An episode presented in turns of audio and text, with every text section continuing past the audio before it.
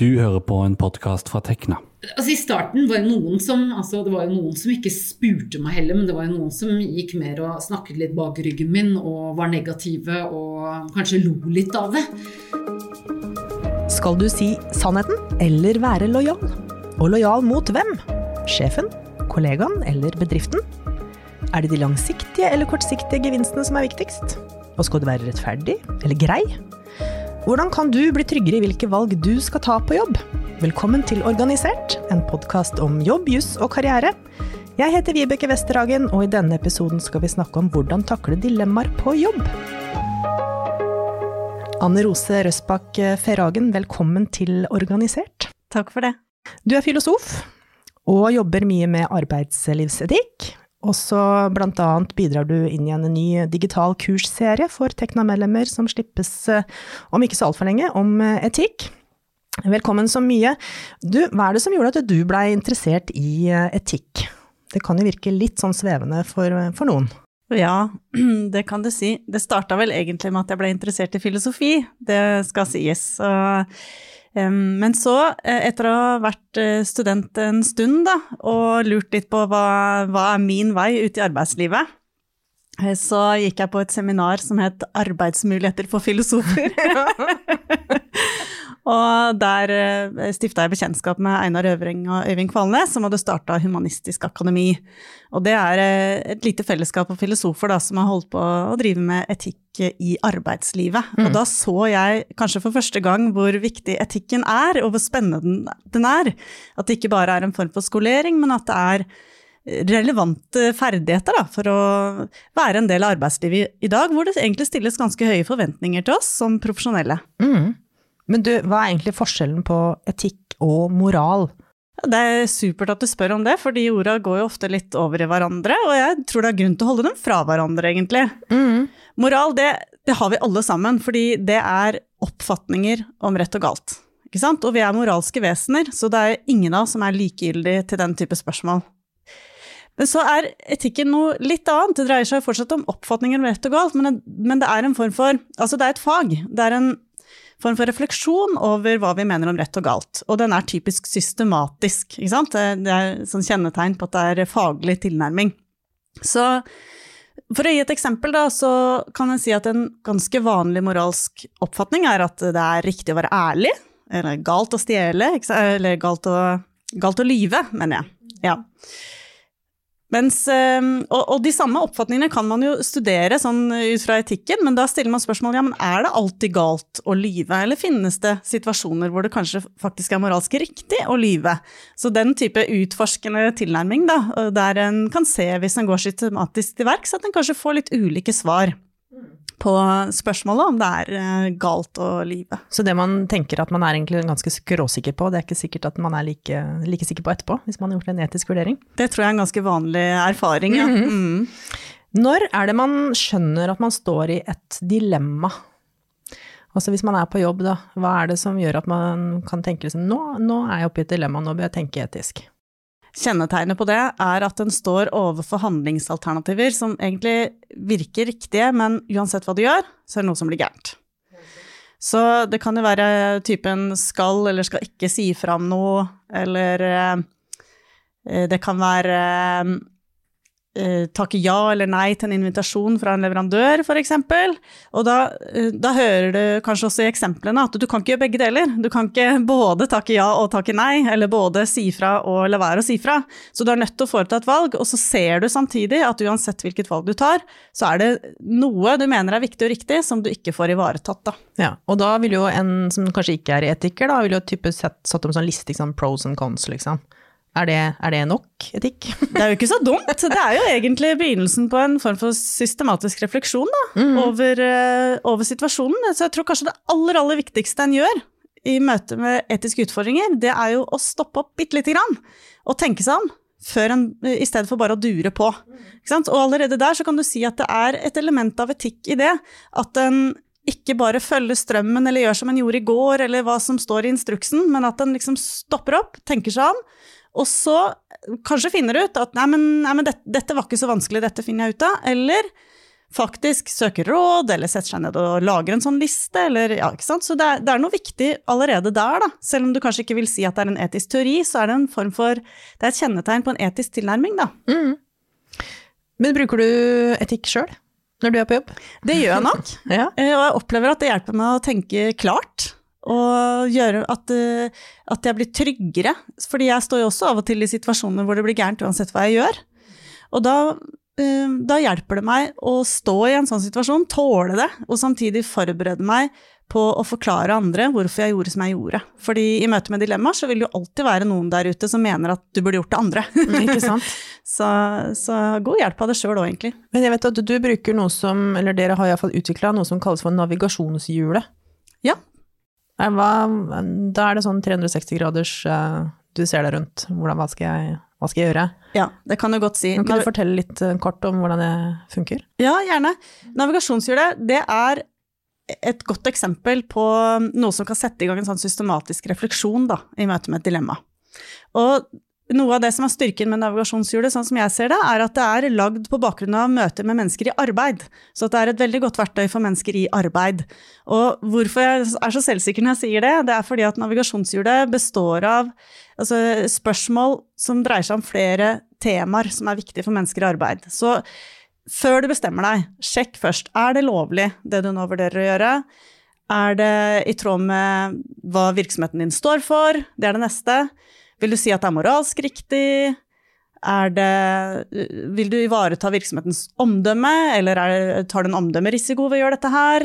Og videre, det økonomiske, det skal vi også følge med på og ta ansvar for i, i en profesjonell sammenheng. Og så til slutt, eh, spørsmål fra etikken, lar det seg begrunne? Kan det begrunnes på saklig måte? Så ved å ta den gjennomgangen, så mener jeg vise at det er jo det er vel og bra å kunne etikk, etisk teori, etiske prinsipper og sånn, men i arbeidslivssammenheng så har vi også ansvar for å ivareta langt flere hensyn enn det. Og ved å bruke navigasjonshjulet så får vi belyst saken og de handlingsalternativene som er til vurdering, ut fra mange perspektiver, da. Som sånn sett hjelper oss, tror jeg, i å ta profesjonelle, gode beslutninger som tåler dagens lys. Mm. Men disse tankene har lange tradisjoner. Det baserer seg på sånn type pliktetikk og konsekvensetikk og sånn sånn? Ja, Ja. de er, det er jo veldig gode og viktige stemmer, da. Pliktetikken og konsekvensetikken. Eh, Men jeg vil jo også si at eh, det, tradisjonen er langt eldre enn det. Eh, Mye av det som jeg jobber med, det har vi jo fra antikken.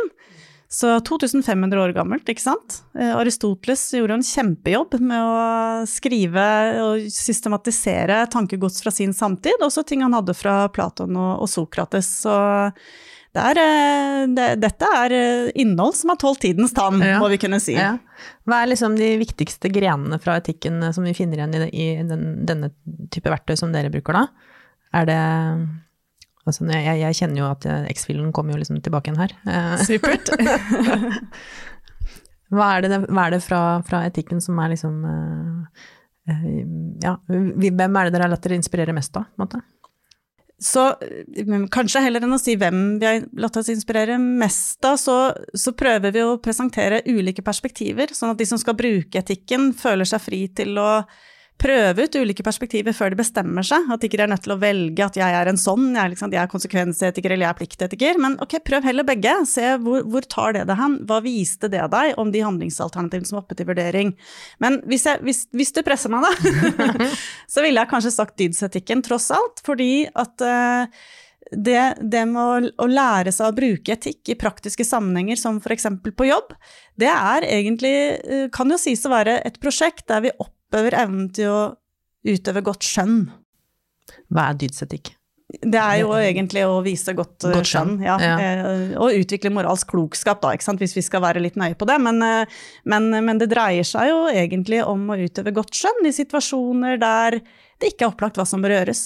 Mm. Så kanskje dydsetikken tross alt. Men det er mange fine perspektiver. Pliktetikken viktig, konsekvensetikken helt opplagt. Eh, Og så ofte også så kommer en langt med å bruke noen etiske prinsipper som står litt på egne bein, uavhengig av teorier, sånn som likhetsprinsippet, som sier at, eh, at den angir på en måte regelen for rettferdighet. Da. Det er viktig, ikke sant? Det det er sånn vi bryr oss om. Så, som sier at like tilfeller skal behandles likt. Og du kan forskjellsbehandle, men da må du også kunne gi en god grunn for det. Så, eller offentlighetsprinsippet, som krever av oss at vi, vi skal være villige til å være åpne om det vi gjør. Det betyr ikke at vi skal være åpne om det vi gjør, for det er jo mange gode grunner til at vi ikke skal plapre om ting vi driver med på jobb, men at vi i prinsippet kunne vært åpne om det, det er en sånn fin test, og den bruker jeg mye sjøl også i, i, mitt arbeid. Kunne jeg ha delt dette med de andre i Ja, ikke sant? Mm. Og, og, det er ikke sikkert jeg skal gjøre det, men hvis jeg er villig til det, så har på en måte den handlinga jeg vurderer, tålt den testen, da. Ehm, da vet vi at den tåler dagens lys. Mm. Du, vi lever jo liksom i bærekraftens eh, tidsalder. Ehm, jeg vet ikke helt om det handler om etikk sånn helt, men i dag så er veldig mange opptatt av ja, klima, bærekraft og det å gjøre gode valg på eh, spesielt ja, privat. Man eh, kjører kollektivt, man kjøper elsykkel, så, sånne ting. Men så opplever man kanskje at det er litt mer tungrodd på jobb. Hvordan eh, kan man bruke etikken der på en måte til å kunne påvirke arbeidsgiveren sin? Jeg vet at dette er noe som opptar ganske mange. Mm. Liksom eh, pushe eller liksom dytte arbeidsgiver i riktig retning. Er det noen sånn etiske eh, ting man burde ta, ta med i betraktning der? For å ikke bli en sånn masekråke eller en sånn som driver og pusher hele tiden og sånn? Ja, jeg skjønner. Så det um en etisk tilnærming vil jo typisk være å stille spørsmål ved det praksisen vi er en del av. Ikke sant? Sånn at hvis en, har, hvis en klarer å bygge sånn klima på jobb, da, der her, her, her tenker vi litt høyt sammen her, mm eller her, her, deler vi det, hvis vi har noen gode innspill, så kan man jo sette i gang noe godt, ikke sant. Men så tror jeg også at um, hvert fall hvis en starter i etikken, da, ikke sant, skal prøve å få til en forandring, så så vil jeg jo foreslå å holde seg til det å prøve å overbevise andre om at dette er viktig og, og lurt. Eh, så eh, heller enn å på en måte påvirke eller overtale eller mase, ikke sant. Altså det, er to forskjellige måter å gjøre det på. En kan selvfølgelig mase. Altså, hvor blir det av, og hvorfor skjer det ikke noe, ikke sant. Og da, da kan en jo fort få et stempel da, om å være litt slitsom eller irriterende. Men hvis en i stedet går går veien gjennom overbevisning. Da kan ingen, eh, ingen, klage på at du er irriterende, for det eneste du gjør da, er å vise at dette er klokt og, og riktig og smart, og, og, forklare hvorfor på en sånn måte at den andre vil innse at ja, jo, han eller hun har jo rett. Mm. Er dette Sokrates som uh, roper til oss fra antikken, eller? Dette med å stille spørsmål for å få fram noe? Det beste vi har fra Sokrates, det er jo den uh, fine evnen han har til å reise gode spørsmål. Så det er jo en fin tradisjon sånn sett. Men han er jo Han er, jo, han er ikke bare kul eh, Sokrates, da. Han eh, er litt utryttende også, syns jeg. Så jeg vet ikke om vi skal prøve Han er ikke et forbilde, nødvendigvis? Jeg vet ikke om vi skal herme det han gjør én til én, i hvert fall. Men, eh, men, den, den tilnærmingen han har ved å reise spørsmål og på en måte undersøke men holder det vi tror er sant, den er jo fantastisk. Mm. Det kan vi ta med oss. Mm. Og apropos bærekraft og dilemmaer. Reporter Sondre Tallaksrud har snakket med finansanalytiker Tina Saltvedt om etikk og hennes tanker om overgangen fra å være dronningen av fossil energi til å jobbe med bærekraftsfinans. Det var ikke alle som støtta eh, de endringene. Og det var jo også flere med, som, som, var veldig nysgjerrige på hvorfor jeg gjorde det. Tina Saltvedt opplevde motstand da hun byttet jobb fra å være oljeanalytiker til å jobbe med bærekraft. Men hun angrer ikke på at hun fulgte egen moral, selv om det var tungt i starten. Eh, det tok sikkert tre år fra jeg virkelig begynte å jobbe med eh, det grønne skiftet og energiovergangen, til jeg faktisk skiftet jobb. Og det var jo mange som i mellomtiden da mm, egentlig begynte å stille spørsmål med hvorfor analysene mine begynte å gå i den retning. Eh, og, hva, hva syns du om det? Altså I starten var det noen som altså det var jo noen som ikke spurte meg heller, men det var jo noen som gikk mer og snakket litt bak ryggen min og var negative og kanskje lo litt av det. Eh, men det er jo litt interessant også, altså da må man jo tørre å stå i det. For min del var det jo noe jeg mente, og jeg så jo også ikke bare en ting jeg trodde på, men vi så jo også at eh, tallene støttet det. Altså investeringer i fornybar energi begynte å øke. Eh, vi så jo også at CO2-tallene begynte å øke. Hvis man skal gjøre noe med dette, så må det en endring til. Det er klart at Når du begynner å stille spørsmål med hvordan samfunnet er bygd opp i dag, og kanskje noen føler det truende, også internt der jeg jobbet, så så vi jo det at det var ikke alle kollegaene som støtta opp om, eh, om det skiftet, eller de argumentene jeg hadde, men heller eh, var ganske negative. Ja. Så, så, det er jo selvfølgelig Det var utfordrende i starten. Det, det, kan jo oppleves som litt ekkelt for andre da, som er litt lignende situasjon, har du noen tips til hvordan, eh, sånn generelt da, hvordan man bør gå fram? Altså For min del så var jo dette en endring som kom eh, som gikk over tid. Ikke sant? Fra man fikk den første litt sånn oppvåkningen til at oi, her kommer det noe overraskende, i hvert fall noe som overrasket meg. En ting er at man får en opplevelse, men så underbygges den av, av stadig flere ting, så det bygger seg opp over tid. Uh, og da har man jo på en måte bygger man seg også samtidig opp et, et, et faktagrunnlag og, og, ikke sant en um, altså noe Det bygger på en mer solid base som gjør at jeg følte meg for så vidt ganske trygg i synet mitt. Og så er det jo selvfølgelig eh, det at ikke alle er enig med deg, det, det, er jo litt tøft i utgangspunktet, men, men jeg tenker at man må være tro mot, mot sine meninger. Ja, det lønner seg på lang sikt Istedenfor at det kan kanskje være litt lettvint på kort sikt. Det er klart På kort sikt er det jo mye enklere å bare jatte med eller følge, følge strømmen. Jeg tenker at det er viktig at man altså, er trygg og står for de meningene man har. Fordi at det har noe med å være, altså være ærlig og kunne også kunne kommunisere med tydelighet eh, de meningene man har, så må man kunne stå inne for det man gjør, tenker jeg. Så eh, jeg vil jo anbefale da at man faktisk kanskje bygger seg opp en liten faktabase hvis man føler seg utrygg, slik at man har andre argumenter enn rent, rent egeninteresse å bygge det på hvis, hvis man føler seg utrygg. Og i dag så jobber du med i dag jobber jeg med bærekraftig finans. Så nå er jo egentlig slått sammen de to feltene som jeg liker å jobbe med. Altså jeg har jo lært enormt mye av å jobbe med olje- og gassmarkedet.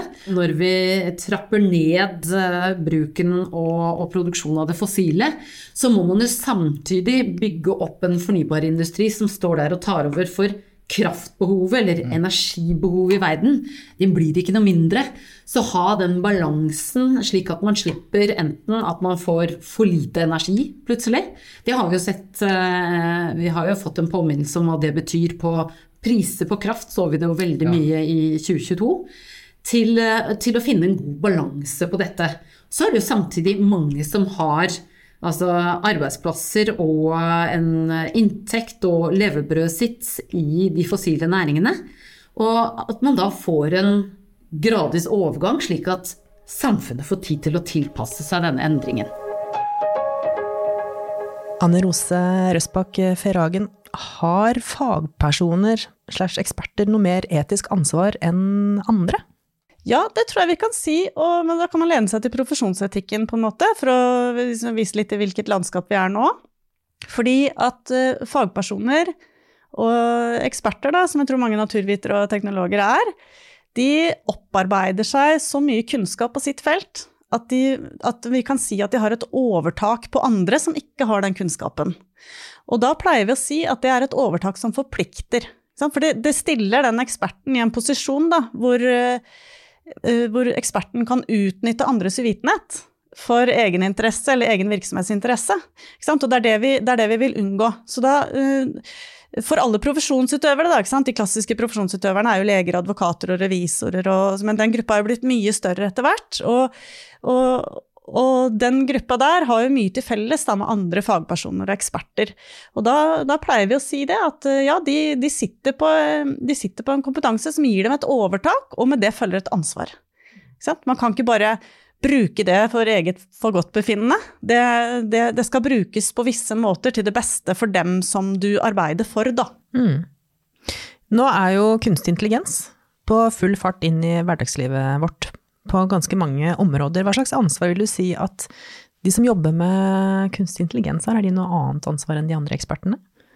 Og det er spennende, egentlig. Eh, for jeg tror eh, når vi bruker kunstig intelligens, så er det mindre oversiktlig for dem som benytter seg av de løsningene som kommer som resultat av bruk av kunstig intelligens. Da. Før så snakka vi kanskje med noen som kunne forklare deg hvorfor fikk du, hvorfor fikk du et nei, og, eller hvorfor fikk du et ja. Så er, du bygger på en måte bro mellom grunnlaget for en beslutning og den beslutninga som endte opp med. Mens eh, med kunstig intelligens så mister vi som bruker løsningene litt oversikt. Hva skjedde egentlig? Hvorfor fikk jeg nei på den søknaden min? Eller Hvorfor fikk jeg denne anbefalinga når jeg spurte om råd? Så, så, vi er jo kanskje enda mer prisgitt at de som sitter og lager løsningene og tegner opp veien fra informasjon til løsning eller anbefaling eller beslutning, at de, eh, at de ivaretar oss, da, ikke sant? Er, vi, har, vi, har, mindre oversikt, det er vanskeligere å yte motstand eller stille spørsmål. Hvem skal vi henvende oss til? så, så, jeg tror at det er et veldig godt eksempel da, på, på mm, et, et, område der hvis, det er lett å få øye på fagpersonenes ansvar i situasjonen da, for å lage løsninger som, som funker for dem de er ment å funke for. Mm. Mm. Er det noen andre typer dilemmaer som du tenker at vi kommer til å se en del framover eh, i arbeidslivet? Ja, altså dilemmaene de blir vi jo ikke kvitt, ikke sant. Det er stadig noe nytt, og, det er også noen klassikere som ikke vi blir ferdig med. og så er det stadig nye mennesker i arbeidslivet som skal gjennom de samme greiene. Så det er flust av, av dilemmaer. Jeg, jeg, hører jo også mange bale med bærekraftsdilemmaer, fordi eh, det er også lett å se at vi selvsagt har vi et ansvar for um, å ivareta planeten, eh, klimaspørsmål, eh, å velge miljøvennlige løsninger. Men så ser vi av og til eksempler på at det å ivareta den miljømessige siden av bærekraften, at det kan jo av og til eh, gå på bekostning av f.eks. sosial bærekraft, mål om sosial utjevning og den type ting. Og hva gjør vi da? Det er jo også sånn at Man kan jo ivareta det sosiale, kanskje skape arbeidsplasser i et fattig land og den type ting, men kanskje kan man ikke gjøre det uten å komme i kontakt med et korrupt uh, regime. ikke sant? At uh, Den eneste veien å, å, drive næringsvirksomhet her er ved å være i berøring med folk som er korrupte og, og, og krever bestikkelse for å gjøre en jobb for deg. Og, og da, da, betyr det at ja, vi kan ivareta det sosiale, men vi, det går på bekostning av den økonomiske bærekraften. så og et enda større spørsmål, kanskje, så vil jo mange si at det er moralsk riktig å la de fattige få delta i velstandsutvikling, akkurat som vi i den rike delen av verden har gjort. Men hvis vi gjør det, klarer vi da å ta vare på planeten? Eller, eh, eller smeller det, liksom? Det, så det er eh, store dilemmaer, da. Som, som, nesten, som, nesten, gjør at det går varmt i huet, ikke sant. Og jammen ikke lett å finne gode løsninger, da. Mm. Men har du noen tips til den som ønsker å bli mer etikkfokusert i, i jobben sin, da? Bærekraftsjobbing eller annet? Altså hvordan kommer man i gang? Hvis man ikke har en sånn type etisk plakat eller eh, profesjonsplakat eh, i etikk, liksom. Eh, hvordan, hvor starter man den? Jeg tror det viktigste er å bruke blikket sitt og forsøke å forholde seg til den praksisen som vi er en del av. Det er første steg. Det første er jo at man må oppdage det. Hvis det er hvis det er en problemstilling som krever tid, eller en praksis som kanskje ikke er helt som det burde være, så bruke blikket først. Og så, hvis en legger merke til noe da, som kanskje er verdt å bruke litt tid på, starte en refleksjon på arbeidsplassen. Og da snakker jeg ikke egentlig om varsling, jeg tror ikke det er der man Det vil være behov for å snakke om mange ting lenge før en vurderer varsling, så jeg tenker mer sånn mellom kolleger, kanskje drøfte en sak med en leder, ikke sant. Eh, opp, reise et spørsmål, ta opp et tema. Hva, jeg har lurt litt på det. Eh, da er en i gang, rett og slett. Og så kan en kanskje også Det kan være en spire til et sånn godt samtaleklima på jobben, da, der en undersøker saken før en bestemmer seg. Og da er en i gang med noe bra, tror jeg. Mm. Tusen hjertelig takk for veldig gode tips og noen, eh, noen, noen, ny innsikt i etikk. Og um, har du som lytter blitt nysgjerrig og tenker at dette vil jeg eh, gjøre mer på, så anbefaler jeg deg å følge med på den nye kursserien om etikk for Tekna-medlemmer som du vil finne på tekna.no. Der kan du grave litt dypere i materien enn det vi rakk å gå i denne podden. Tusen takk til deg, Anne Rose, og tusen takk for at du hørte på, du som også lytter. Dette har vært en podkast fra Tekna, en fagforening for deg med mastergrad i naturvitenskap, realfag eller teknologi. Les mer om oss på tekna.no. Programleder var Vibeke Westhagen, reporter Sondre Tallagsrud, og teknisk ansvarlig var meg, Andreas Kili Grenasberg.